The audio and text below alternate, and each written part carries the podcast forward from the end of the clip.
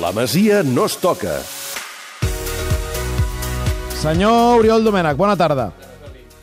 A veure, tornem-hi. Senyor Oriol Domènech, bona tarda. Bona tarda, Jordi. Ara sí que ha entrat a l'estudi. Uh, L'Oriol avui ens ve a parlar d'un futbolista a qui jo particularment li havia perdut la pista i pensava, on para aquest tio? I resulta que és que estava lesionat i torna, però torna després de molts mesos. Parlo del davanter del Barça B, Mujica.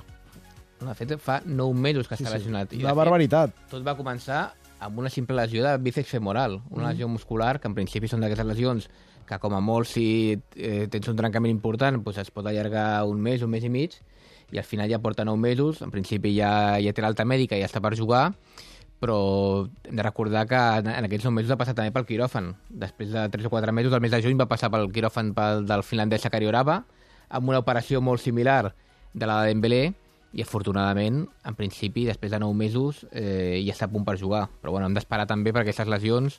Hi ha jugadors que, que s'han operat, que tornen i després recauen, vull dir que hem d'esperar uns dies, aviam que, com va. Un jugador interessant. Hem parlat molt aquesta temporada d'Abel Ruiz. Mm -hmm. Mujica arriba en edat juvenil, fitxat dalt Les Palmes. les Palmes, i jo el que li havia vist, fins i tot en el Barça B, feia molt bona pinta. És, és un jugador que va arribar i de primer de juvenil ja va, ja va jugar amb el juvenil A. Uh Mhm. -huh. que això pocs jugadors del Barça ho poden dir. I la veritat és que la seva primera temporada va demostrar molt bona qualitat. És un davanter centre molt fi, amb molta qualitat, però malauradament, després d'haver debutat també amb el Barça B, aquesta lesió eh, ha impedit una mica que el seu, la seva progressió. Bé, veurem... Vaja, veurem no, esperem que, que un cop recuperat pugui confirmar tot el que apuntava. Tampoc no li serà fàcil perquè si hi ha la posició amb més over, Lozano. overbooking de la, del Barça B, i Cardona, i Abel Ruiz, Jo crec que és Lozano... massa que jove. El Barça té quatre davanter centres al Barça B. Normalment es diu que ets massa jove per jugar al primer equip, en aquest cas ets massa jove per ser davanter del, del Barça B. L'Oriol, al marge del cas de Mujica, del qual òbviament ens n'alegrem, eh, ve a parlar avui, eh, m'ha dit, avui farem un especial, especial ex de la Masia. Per on vols començar? Va, anirem ràpid. Eh, tres, eh, tres apunts. Un d'Anglaterra.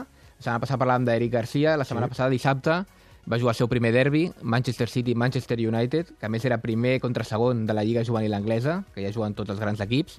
Va guanyar el City 4-1 al United, el City va recuperar el liderat i a més l'Eric va marcar un gol. Uh -huh. Vull dir que primer derbi fantàstic per l'Eric. L'altre punt del Japó. Dissabte passat, eh, Takefusa Kubo, 16 anys, per la gent que no se'n recordi, el noi japonès que va tenir que marxar del Barça per la sanció FIFA, Alias Take. Take, correcte, el futbolista que més el coneix per Take, amb 16 anys ja va debutar a la primera divisió del Japó. Només queden dues jornades, va ser un debut una mica simbòlic, va jugar els últims 20 minuts, però a Japó va ser un esdeveniment. Take hem, de- hem de recordar que amb 16 anys ja ha jugat al Mundial Sub-17, Mundial Sub-20, i l'any que ve, en principi, amb 17 anys ja serà primera plantilla del, del Tòquio.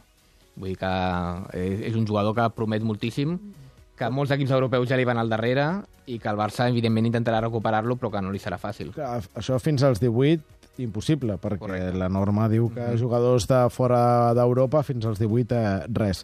L'últim apunt, Això, De- aquest, aquest és curiós. de més actualitat, i ve de- d'Estats Units. Aquesta setmana s'han jugat les finals de conferència de la MLS i tant a la eh, conferència est com a la conferència oest tenim un guanyador ex de la Masia, uh -huh. que curiosament s'enfrontaran a la final de la MLS dissabte que ve, 9 de desembre.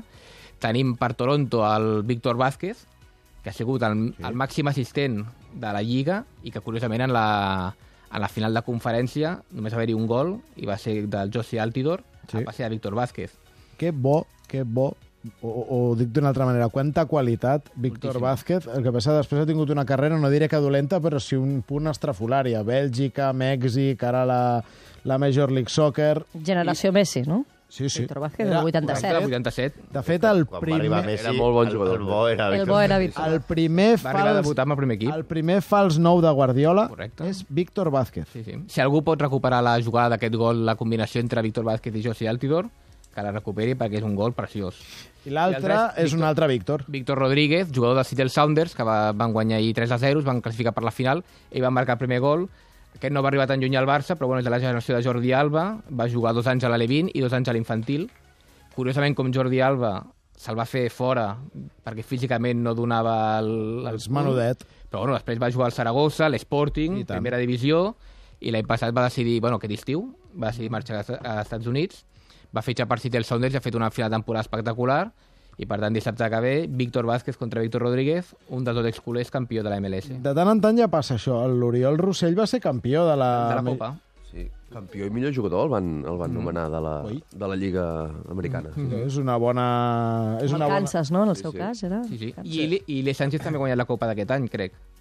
sí, pot ser, pot ser, pot ser. I l'Iex Barça B. Doncs mira, a falta de, de destinacions més potents, la Major League Soccer s'està revelant com una destinació que funciona per la gent de, del Barça. Arda, Uh, ho estàs sentint? vale.